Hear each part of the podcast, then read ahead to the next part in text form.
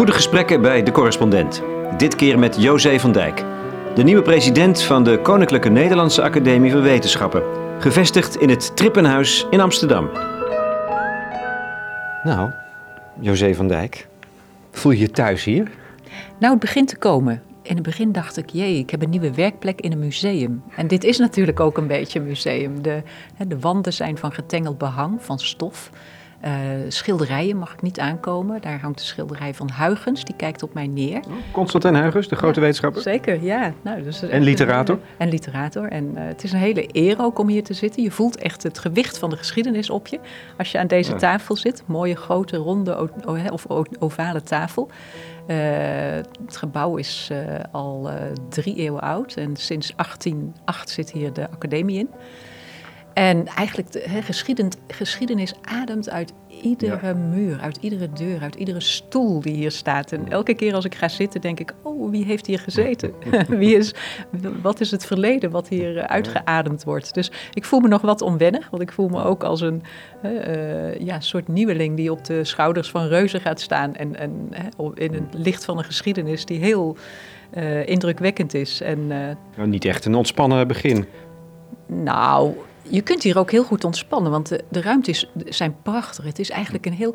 Ik vind eigenlijk het huis van de wetenschap, zoals we het Trippenhuis wel noemen, is een prachtige metafoor voor hoe ik de wetenschap zie. Namelijk, er zijn hier ontzettend veel kamers, honderden letterlijk. En het mooie is tussen al die. Ik heb een keer een rondleiding gedaan nu, niet alleen in dit pand, maar er zijn ook belendende panden. Dat zie je niet helemaal, maar er zijn heel veel uh, sluipdoorgangetjes, uh, verbindingswegen tussen de kamers, tussen de zalen.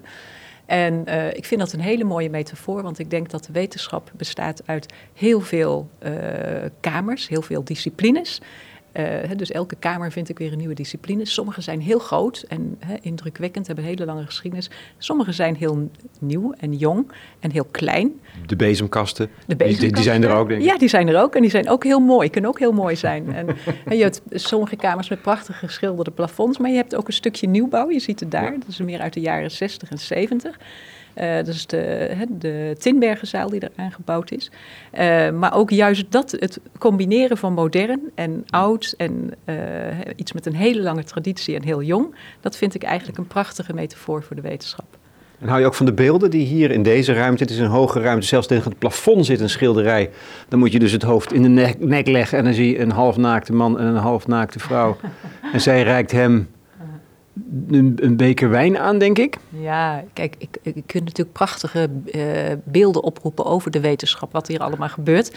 En, uh, als dit ik... gaat over sensualiteit volgens ja, mij, erotiek. Nou, kijk, als ik naar boven kijk, denk ik, de Academie voor, uh, voor Wetenschappen heeft ook een nieuwe afdeling. Dat is de Academie van Kunsten.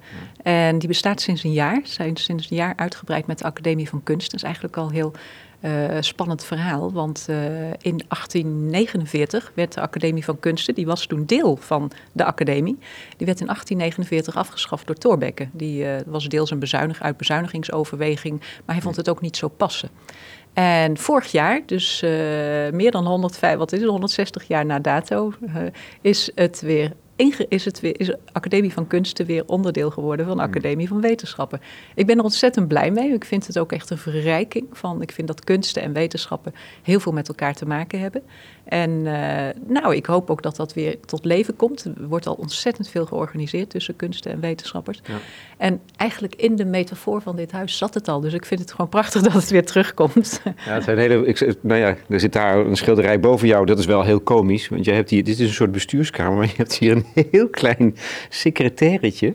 Daar kun je nog niet eens een boek op leggen, zo klein nee, is het. Dat is ook uh, de reden waarom het wat minder uh, uh, aantrekkelijk is als werkkamer. Want ik ben ook veel te klein om op deze grote stoelen te zitten. Ergonomisch is dit zeker niet verantwoord. Ik kan hier niet lekker even met mijn laptopje gaan, gaan zitten werken. En bovendien, ik mag niet, kan niets aan de wanden doen. Ik kan geen boeken neerzetten. Ik kan nog geen geen papieren neerleggen. Dus uh, ik ga wel ergens nog een uh, werkkamertje zoeken waar ik echt kan werken. Maar het is, het blijft, dit blijft de bestuurskamer en het is natuurlijk ja, gewoon een prachtige ruimte ja. om in te verkeren. Ik, vind, ik vind het wel iets komisch hebben.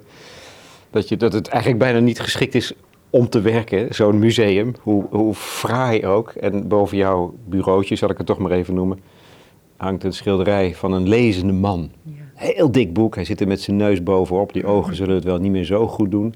En dan zit ik daaronder met mijn laptopje. Dat vind ik eigenlijk wel een heel mooi contrast van, van de, de, de geschiedenis die op mij uh, duwt. En de, ja, eigenlijk de hele... Je, je vooruit duwt, zou je kunnen zeggen. Vooruit duwt, ja, dat vind ik eigenlijk een mooie uitdrukking. Ja, die me vooruit duwt.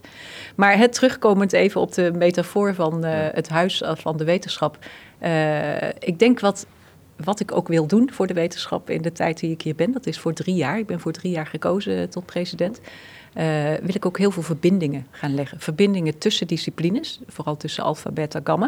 Ik doe dat al een beetje in mijn, uh, in mijn eigen dagelijks werk. Maar ook tussen de wetenschap en de kunsten.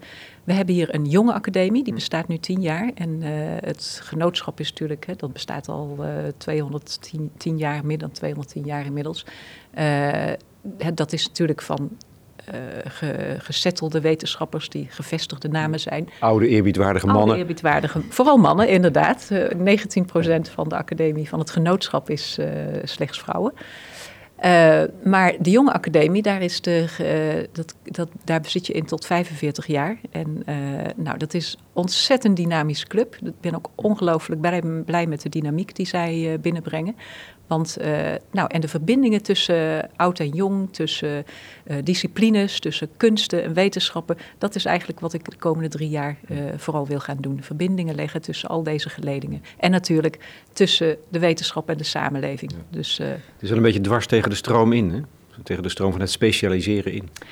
Ja, eh, inderdaad. Dus enerzijds wel. Anderzijds zie je natuurlijk wel uh, specialisatie en uh, verbinding hoeven elkaar juist niet tegen te spreken. Ik denk ook, anderzijds zie je heel veel innovatie voortkomen uit verbindingen en onverwachte verbindingen tussen disciplines.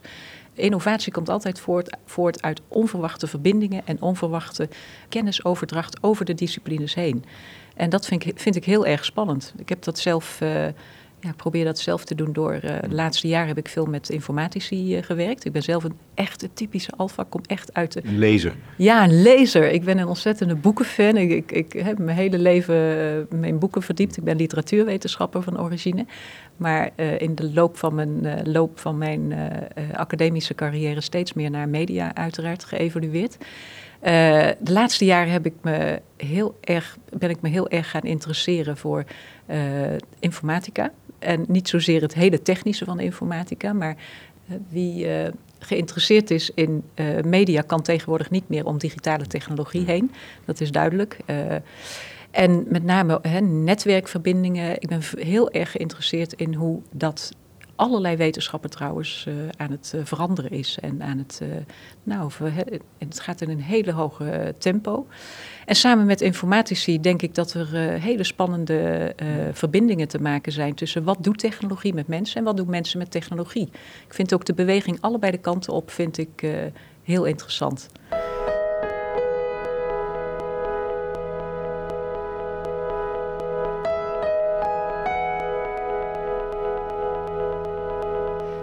Verbinden is het sleutelwoord, zo in de wetenschap, ook in je studie naar, naar connectivity, de culture of connectivity. Een, een grondige, uh, ook hele interessante studie naar sociale media.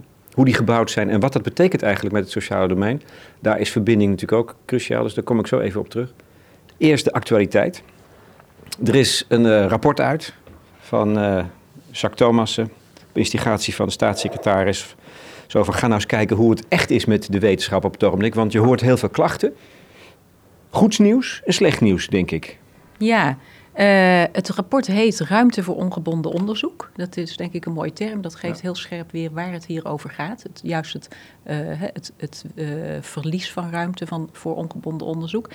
Er is goed nieuws in de zin van, dit rapport was, er is om gevraagd, dit advies is om gevraagd door het ministerie, door de bewindspersonen, omdat men uh, bang was dat naar aanleiding van uh, bijvoorbeeld de invoering van topsectorenbeleid steeds minder ruimte zou komen hmm. voor he, dat ongebonden onderzoek. De economisering van onderzoek zou je kunnen zeggen. Het moet in dienst staan van, uh, van de economie. Dat niet alleen, maar ook wat ik noem de thematisering van onderzoek. Daar kom ik zo nog even op terug. het goede nieuws is dat er, men dacht eigenlijk, en daarom heet het in de, in de wandelgangen hier het witte vlekkenrapport. Een prachtige term, maar iemand die niet snapt wat dat betekent, die moet je het wel even uitleggen. Men was dus bang dat dat door die thematisering en centralisering van onderzoek en economisering, dat daardoor witte vlekken zouden ontstaan, namelijk die vakken die in de verdrukking raken. En dat, dat blijkt ook zo te zijn, maar niet in die mate hm. dat men dacht. De witte vlekken zijn eerder, men noemt het nu signaalgebieden, dat is meer een woord voor de disciplines die blijken heel veerkrachtig te zijn, maar je moet wel uitkijken dat ze niet echt verdwijnen. En het is nog niet zo, maar het is een dreiging. Die is geconstateerd. Ja, het is duidelijk dat die steeds minder geld krijgen, waar steeds minder aandacht naar uitgaat. En eh, als je niet uitkijkt, dan zijn ze op, binnen een aantal jaren verdwenen. En het gaat interessant genoeg over een paar vakken. Ja, we hebben het steeds maar over de kleine letteren. En dat is zeker een, een van die uh, signaalgebieden aan het worden, maar dat was al lang duidelijk. Daar hoefde je niet zo'n onderzoek voor te doen. Maar het gaat ook om de wiskunde bijvoorbeeld oh en om de plantkunde. En dat vond ik wel opmerkelijk aan dit rapport. Het gaat dus niet alleen maar om uh, de kleine letteren waarvan we dat al wisten. Het gaat ook in zekere zin om. Uh, uh, hoe, hoe, kan dat trouwens? Want je zou zeggen wiskunde met die waar je het net over had, de digitalisering en de technologisering van heel veel processen. Wiskunde is fundamenteel, cruciaal. Dat, kan nooit, dat kan je nooit vergeten. Nee, dat mag je ook niet vergeten. Het is, hè, dat is, we noemen dit de zuivere wiskunde. Want er is natuurlijk heel veel toegepaste wiskunde. En inmiddels is informatica een heel groot gebied geworden. Maar het gaat hier dus om de zuivere wiskunde. En hè, het is natuurlijk vakwiskunde op school. En, en dat wordt daardoor gevoed. Ehm, nou, maar hoe kan, het, hoe kan dat dan dat dat vergeten wordt? Nou, dat, dat wordt niet vergeten, maar steeds min, als minder studenten dat gaan studeren, als ze allemaal trekken naar hè, de informatica, naar de toegepaste wiskunde, naar hè, eh, econometrie bijvoorbeeld, ook erg wiskundig. Hè, dan staat zo, ontstaat dat effect. Ik wist het al, want ik weet, dat uh, zeven jaar geleden al de masterstudenten van wiskunde, die in Nederland dus allemaal wiskunde studeren op de verschillende universiteiten, die hebben een gezamenlijk onderwijsprogramma in Nederland. Dus heel veerkrachtig, vind ik ontzettend slim van de wiskundigen. Die zijn hun masterkrachten op masterniveau gaan bundelen. En die geven dus gezamenlijk wiskundeonderwijs aan de masterstudenten in Nederland. Iets anders is uh, de vakgebieden die heel erg op het, het Nederlands gericht zijn. Dan bedoel ik niet alleen hè, Nederlandse taal en cultuur, want er zijn wel voldoende studenten voor. Maar denk even aan Nederlands recht. Niet dat daar geen uh, voldoende, onvoldoende studenten voor zijn, maar in het onderzoeks, onderzoeksgeld. Onderzoek gaat naar uh, die onderzoekers die heel veel publiceren. Wie over Nederlands recht publiceert, publiceert meestal niet in het Engels. En ja, een van de voorwaarden natuurlijk om veel ja. onderzoeksgeld te krijgen... is mee te doen in de internationale publicatiedrang. En dan wreekt zich dus het beleid dan wreekt zich het beleid. En een ander, nu komt het minder goede nieuws, want het is eigenlijk hè, de veerkracht van het Nederlandse systeem is denk ik heel goed nieuws. En ik ben ook blij dat, uh, dat we zo veerkrachtig zijn als land. Ja, over, een eh, cruciale factor is daarbij, begreep ik, en dat doen ze in de beta-wetenschappen beter dan bij de alfa-wetenschappen, Overleg, landelijk overleg. Ja. Voor die weerkracht is, is precies dat die universiteiten de koppen bij elkaar steken. Dat blijkt een factor van belang te zijn voor behoud van allerlei uh, richtingen. Ja, ik denk dat daar Nederland ook sterk in is. Wij zijn heel goed in het uh, bij elkaar brengen van uh, dus plaatselijke universiteiten. Ons land is ook klein genoeg om dat te doen. En daar zit ook de veerkracht in. Dus ik denk dat dat voor heel veel gebieden een hele belangrijke manier kan zijn om toch het vak krachtig te houden. Verbinding. Verbinding, ja precies, komen we er weer op terug. Die min, dat minder goede minder nieuws. goede nieuws. Ja, dat is, moet je altijd hè, voor. Je moet eerst het goede nieuws brengen, dan pas oh, het minder goede nieuws. Ja, dat heb ik geleerd. Maar het minder goede nieuws is dat er steeds minder ruimte, dat is ook de titel van het uh, rapport, steeds minder ruimte is voor on, uh, ongebonden onderzoek.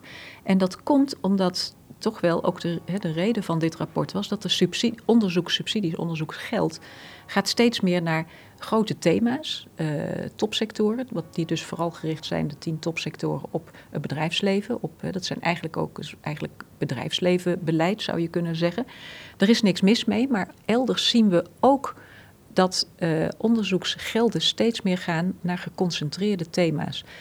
Ook bij NWO, tweede geld. Zoals, wat voor thema's? Nou, bijvoorbeeld opkomend zijn big data, maar he, ook allerlei onderzoek wat heel veel geld nodig heeft. Nanotechnologie, allerlei grote infrastructuren. En het is ook heel belangrijk dat die er komen. Alleen dat, doordat dat steeds meer onderzoek gethematiseerd moet worden aangevraagd. Dat betekent in grote groepen en voor heel veel geld. Dus hè, bijvoorbeeld beginnend vanaf 15 miljoen. Nou, zwaartekrachtprogramma's zijn ongeveer in die orde van grootte. En NWO besteedt nu, ik geloof, 20% van hun gelden aan dat soort gethematiseerde programma's. Dan nog een derde gaat naar uh, topsectorenbeleid.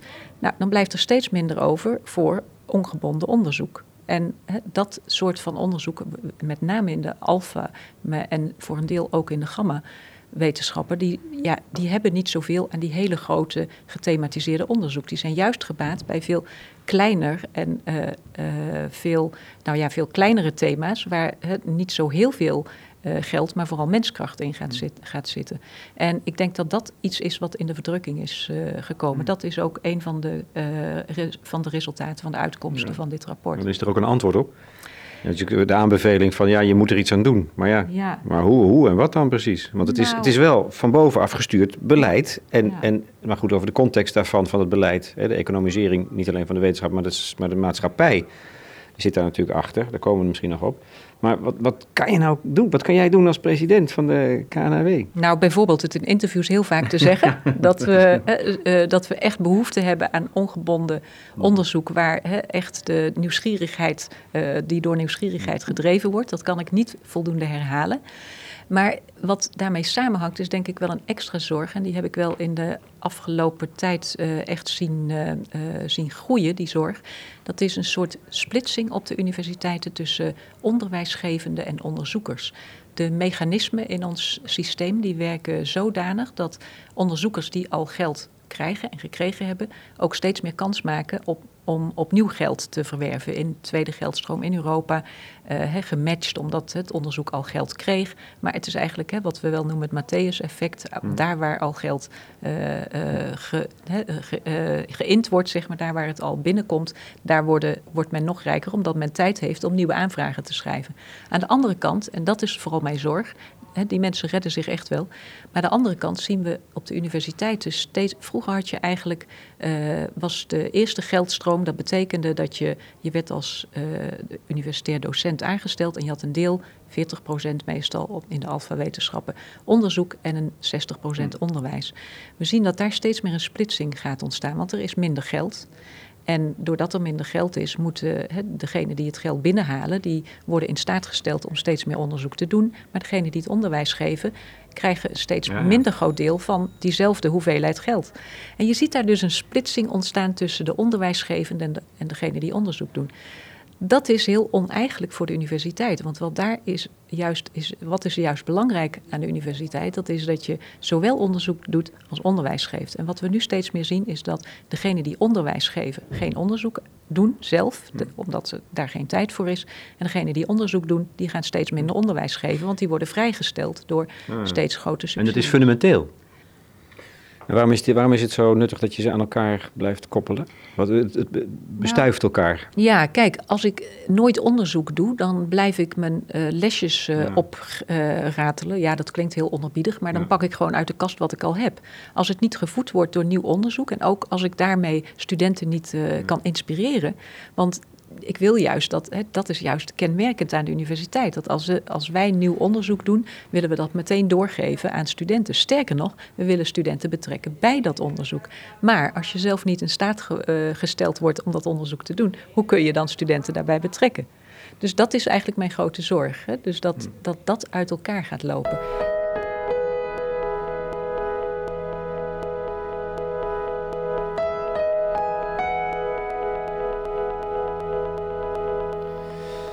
En wie zijn de klos? Ik heb ook voor eh, de correspondent gesproken met Trudy de Hu, wetenschapsfilosoof. En die verzuchtte op een gegeven moment, dat ging over reificatie en andere dingen.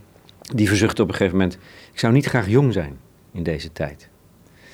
Dus voor jonge, talentvolle onderzoekers is het extreem moeilijk geworden om überhaupt nog carrière te maken. Maar dat is de dood in de pot als dat echt zo is. Ja. En dat, dat signaleert de commissie van Thomas ook volgens mij. Ja, ik denk ook dat we met name in de gaten moeten houden... is er nog voldoende ruimte voor eh, jonge onderzoekers?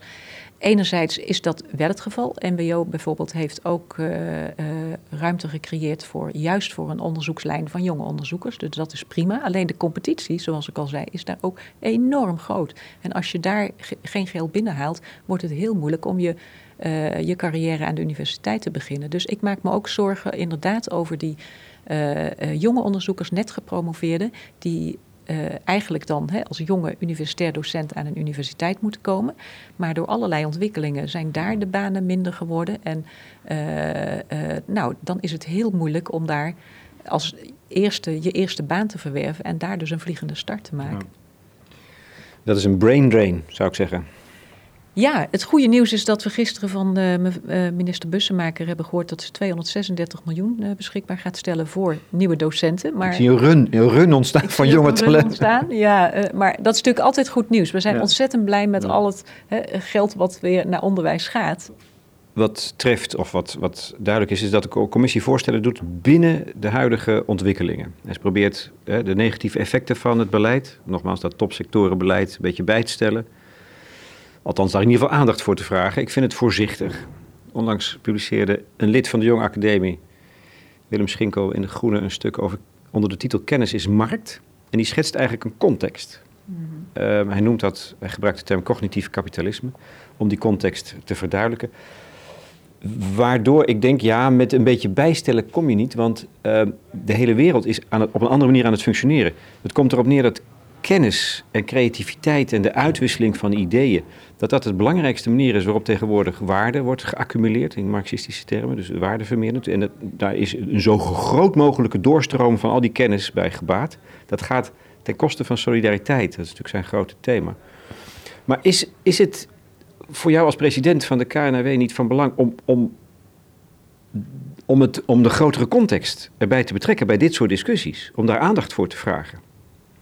Ja, nou, dat doen we natuurlijk ook constant. Ja. Willem Schenkel is zelf lid van de Jonge Academie. En uh, de Jonge Academie, uh, denk ik, doet heel veel uh, fantastisch werk in de zin van het aandacht vragen voor deze ontwikkelingen, voor grotere ontwikkelingen die met name onderwijs en onderzoek treffen.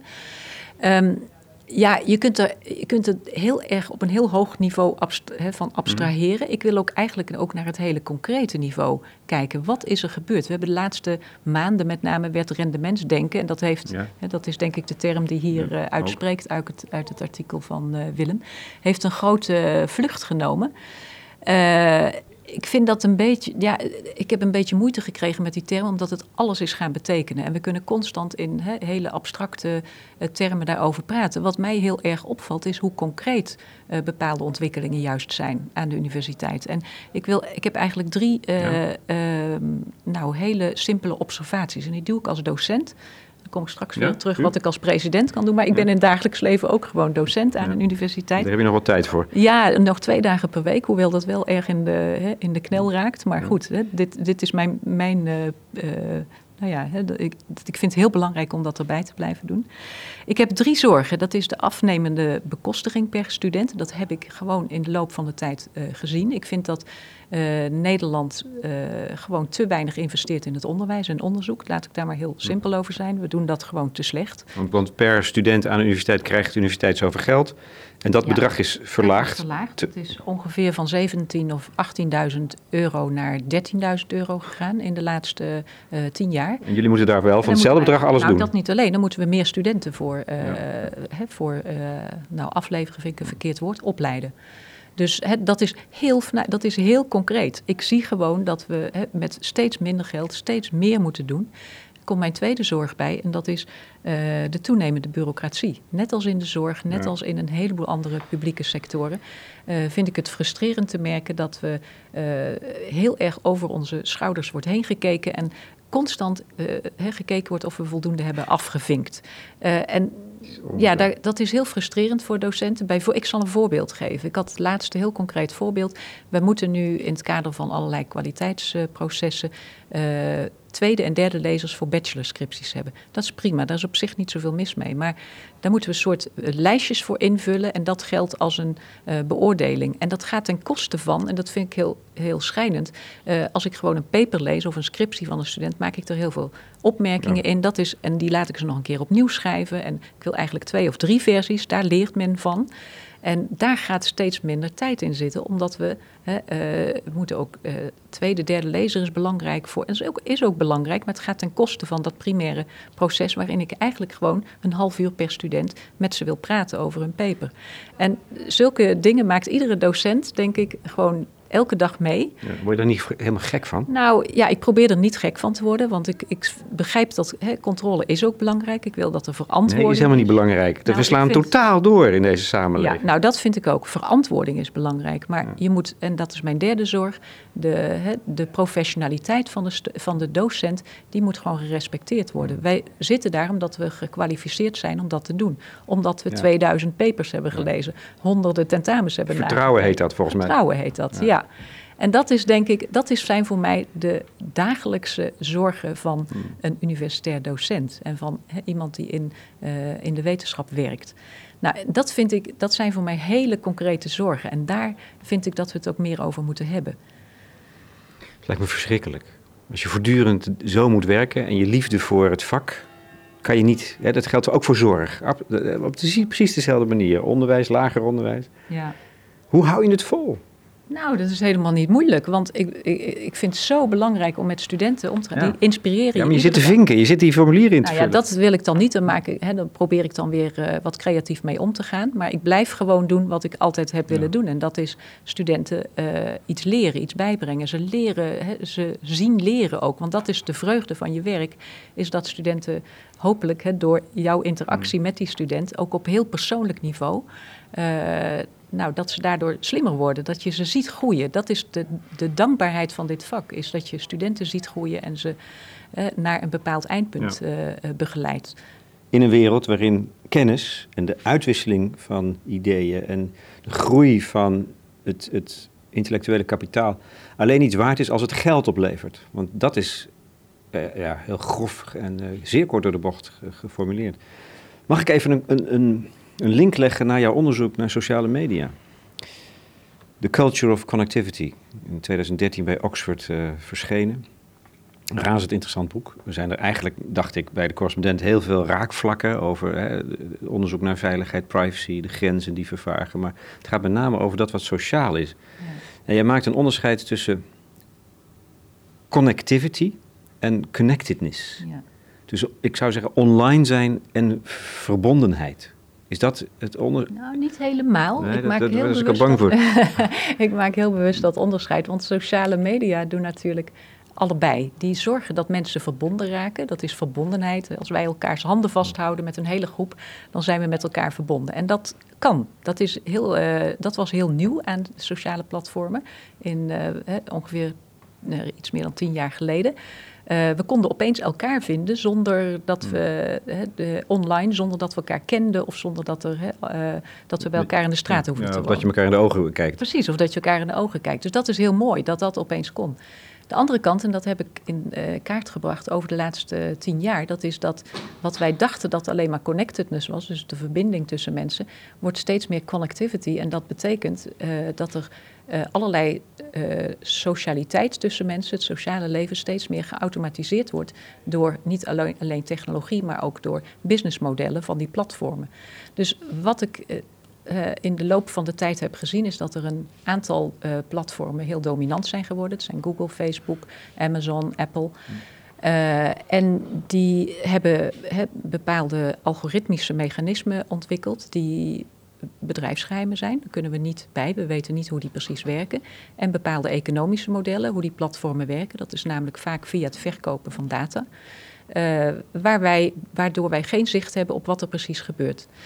Nu, als we nu kijken naar sociale media platformen en wat daar, eh, hoe ze op dit moment werken, zie je nog steeds die twee kanten. Dat die verbondenheid, het is nog steeds fantastisch. Een voorbeeld dat de Groninger Bodembeweging zijn gewoon individuen, vind ik prachtig. Die gaan het zelf trillingen meten en eh, dan komen ze samen tot conclusies. En dat kan allemaal via apps die ze zelf ontwikkeld hebben enzovoort. Nou, dat is prachtig. Is de, die verbondenheidskant van sociale media. Maar aan de andere kant zie je dat op bepaalde gebieden, zoals eh, zoekmachines en eh, sociale netwerken, er eh, nou, hè, eh, dominantie van bedrijven is ontstaan, van Facebook, van Google, die toch wel zorgen baart over wat er gebeurt met die data. Wat er gebeurt niet alleen in termen van privacy, maar ook de manier waarop zij hele nou, sociale interactie kunnen domineren. En eh, ook weer met als doel om er, om er geld mee te verdienen. En dat, is, en dat is de vergelijking met de wetenschap, zou ik zeggen. Want daar gaat het uiteindelijk. Jij laat het, het verschil zien tussen de voorkant van de platforms, die vijf die je hebt onderzocht, de grootste. En de ideologie die dat uitstraalt, uh, transparantie, delen. En de achterkant, daar gaat het gewoon over handel. Maar ondertussen verandert iets wezenlijks. Namelijk dat wat wij sociaal noemen en ervaren als sociaal. En dat is dan de vraag, zijn we niet, zijn we, zitten we niet midden in een, een hele wezenlijke transformatie van wat we samenleving noemen? Hoe zie je dat? Nou, dat, dat, is inderdaad waar ik op dit moment over nadenk. Ik heb niet zoveel tijd meer om te schrijven, maar waar ik vooral over nadenk is uh, hoe zijn sociale media platformen, of eigenlijk wat ik noem het hele ecosysteem van sociale media, uh, die dringen door in hele uh, essentiële processen van, nou niet alleen onze democratie, maar van onze samenleving. En op welke manier beïnvloeden die, uh, nou, wat ik vroeger vond, hele publieke sectoren? Een voorbeeld zal ik geven: het onderwijs. Als ik kijk naar de nou, dat zijn niet alleen sociale platforms, maar hoe online media een rol zijn gaan spelen in het onderwijs, dan kom ik steeds meer tegen dat uh, Google heeft niet alleen hè, bijvoorbeeld de studentenmail overgenomen, maar ook de zoekmachines. We zoeken allemaal via Google. 90% van onze zoekopdrachten gaan via Google. Uh, in de bibliotheken van onze universiteiten is Google Scholar een heel veel gebruikt uh, zoeksysteem. Uh, we geven steeds meer informatie uit, hè, bijvoorbeeld onze publieke bibliotheken, aan Google Books. Uh, nou, ik kan nog wel even doorgaan. Hè, uh, dus alle platformen van Google, die ook allemaal aan elkaar gelinkt zijn. Daaraan hebben we een heel groot deel van ons, wat we vroeger uh, de publieke sector van onderwijs en onderzoek, hebben we overgegeven. Op zich is dat niet nieuw, want we hebben al heel vaak hè, zeg maar, bepaalde delen van het onderwijs geoutsourced. We maken ook gebruik van Blackboard, dus een Microsoft-platform. Ja. maar ik denk wel dat we op een punt zijn gekomen we, waarin we ons af moeten vragen uh, wat, wat doet dat met ons publieke onderwijs? Wat doet het met onze publieke kennis? Hoeveel van de data die dat genereert en waarmee wij wetenschappers en onderzoekers en hè, mensen in het onderwijs uh, bezig zijn, wat, wat de, data die dat oplevert, wat gebeurt daarmee? Worden die aan derden verkocht? Wat wordt daarmee gedaan? Moeten wij die bijvoorbeeld terugkopen omdat we onderzoek willen doen? Uh, nou, een andere vorm van de manier waarop sociale platformen in het onderwijs uh, zich ingrijpen is door massive open online courses. Uh, die, worden, die zijn de grote platformen daarin, die ook steeds duidelijker wereldwijd een, uh, een markt aan het veroveren zijn. Daar moeten we ook eens goed naar kijken, want uh, het is heel onduidelijk wat er met data gebeurt. Platformen als Coursera, als uh, uh, edX en Udacity, die werken samen met universiteiten, maar heel vaak is onduidelijk wat zij met data doen. Op allerlei gebieden, ik noem er nu maar een paar, maar ik kan echt nog een uur doorgaan met platformen noemen die dus bezig zijn met op dezelfde manier het genereren van data via businessmodellen, verdienmodellen waar we eigenlijk nauwelijks vat op hebben. Ja. En nou ja, Willem, mijn... Willem noemt dat, Schinkel noemt dat een feodaal concept. Want het is accumulatie en het gaat van, van beneden tot, tot aan nou ja, de, een paar jongens boven en de top. Hij noemt het gewoon feodaal.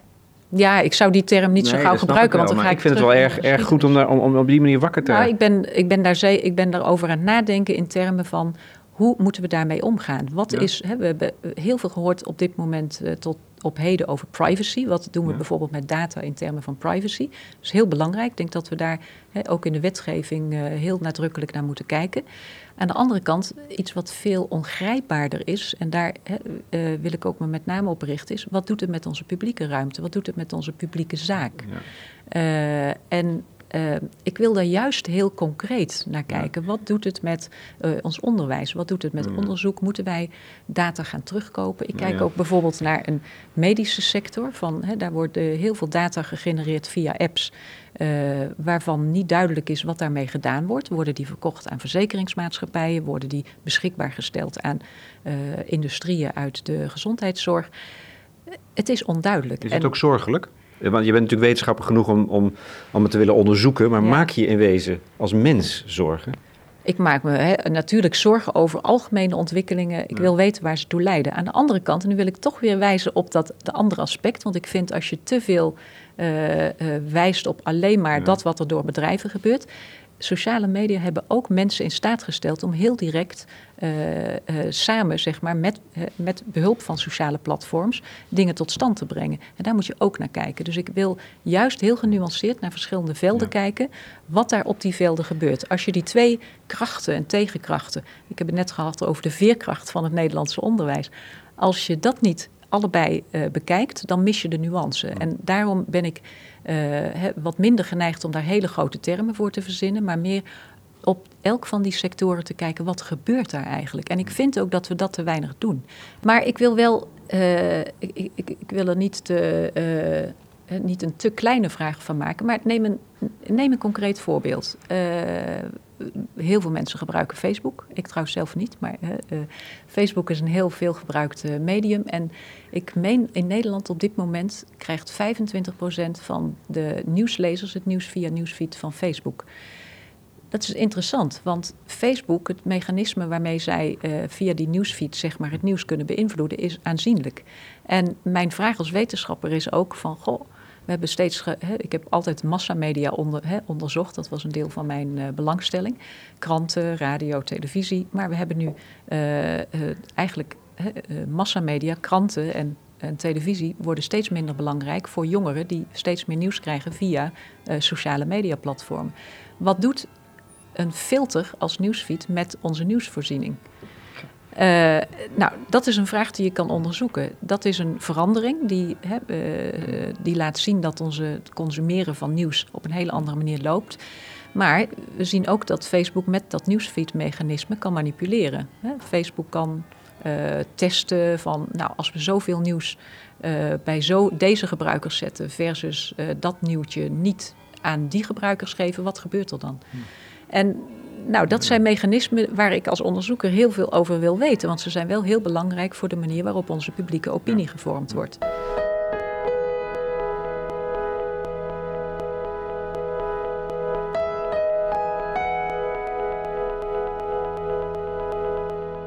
Nog even terug, die twee sporen die we nu volgen van de wetenschap en de sociale media bij elkaar brengen, liggen toch dezelfde processen die jij hebt geanalyseerd bij de sociale media en die jou zo fascineren, ook ter grondslag aan de processen in de wetenschap op het ogenblik? Als je heel ver abstraheert, ja. wel. En uiteindelijk hè, hebben we natuurlijk, uh, ja, zijn er tendensen in een samenleving waar uh, je bepaalde bewegingen in kunt herkennen. Um, ik vind het ook belangrijk om die uh, patronen te zien, maar ik vind het belangrijker dat daaraan voorafgaand een proces is van hele uh, precieze analyse, uh, genuanceerde kennis die je he, eerst destilleert uit dat wat er gaande is. En daarna kun je wat mij betreft he, daar bepaalde uitspraken over doen. Maar dat is meestal mijn methode. Ik ga eerst kijken van wat gebeurt daar precies? Hoe kan ik het begrijpen? En hoe kan ik dat zodanig begrijpen dat ik daar in de loop der tijd patronen in zie ontstaan? Je had het over verhalen. De geesteswetenschappers die maken verhalen of die weten hoe je verhalen vertelt. Ik kijk even terug naar die, uh, die lezende man boven jouw bureautje. Het is, heel, is zo'n zoet beeld eigenlijk. En jij bent een lezer, hè? Ja. Wat, is de, wat zijn de boeken die, uh, die, jou, oh. die jij met je meedraagt als van, nou, dat is eigenlijk zo'n... Waar is dat mee begonnen, die, die liefde voor de literatuur? Nou, volgens mij al heel erg jong. Hmm. Toen ik... Uh, ik, ik, ja, toen ik uh, net kon lezen, ik denk dat ik in de eerste klas van lagere school uh, zat, dan had ik vlakbij school een bibliotheek. Uh, en nou, dat was mijn Walhalla. Dan ging ik drie keer per week naartoe, want die was op maandag, woensdag en vrijdagmiddag open.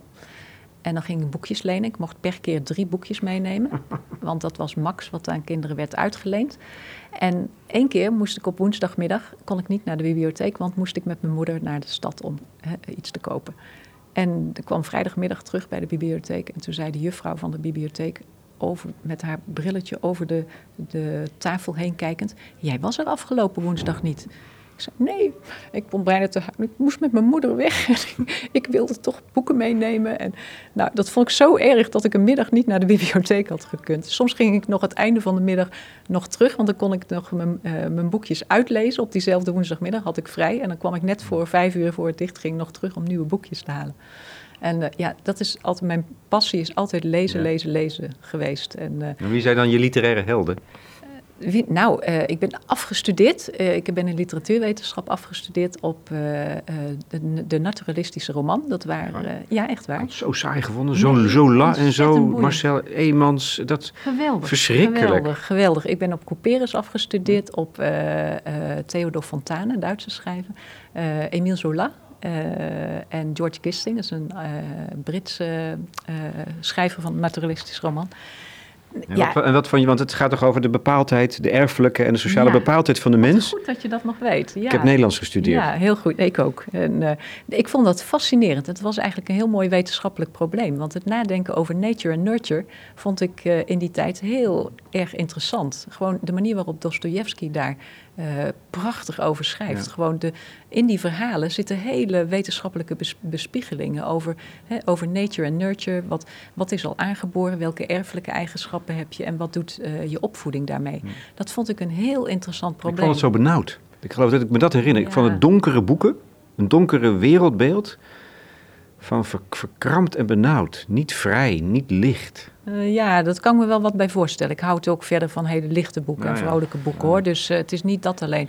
Maar ik, interessant genoeg uh, was eigenlijk het, de verknoping. Dat is misschien interessant in, ja. nu ik erop terugkijk. Maar toen al had ik als belangstelling die verknoping van wetenschappelijke inzichten en, en literatuur. En hoe verwoord je dat in literatuur? En die, dat wetenschappelijke beeld op het. Dat was natuurlijk net de tijd van Darwin, net na Darwin, waarin die effecten van het Darwinisme heel erg duidelijk in de samenleving zijn gaan spelen.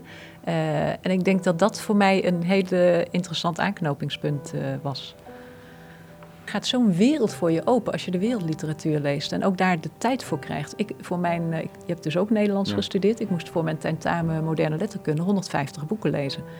En nou, ja, ik vond dat geweldig. Dat, een groter cadeau kon je een student niet geven, vond ik. Ik hoop dat ze het nog steeds moeten doen. Want uh, ja, als je dat niet meekrijgt als bagage, dan kun je gewoon later een heleboel dingen weet je dan niet. Het is ook de ontdekking en de tijd nemen voor uh, het ontdekken van de schoonheid, van de kracht van taal, van de, uh, de, het vertellen van een verhaal, hoe, hoe dat in elkaar zit. Dat kun je alleen als je dat heel veel doet. Het is echt vlieguren maken. Goed, in deze bestuurskamer van het Trippenhuis. Gebouwd door wapenhandelaren. Ja, het is nog wel een veelbetekenend detail. Het is een ja. prachtig grote rijkdom, maar gebouwd op de wapenhandel. Ja. Betekent dat nog iets voor jou? Nee, het betekent verder niet. Hendrik en Louis Tripp die hebben dit huis uh, gebouwd. Uh, ik ben heel blij. Wat het betekent is dat ik heel blij ben dat het geld wat daaraan verdiend is in de wetenschap is, uh, uh, is gestoken en dat het ten goede komt. Dus ik vind het toch nog een mooi doel geworden voor het geld wat daarmee verdiend is.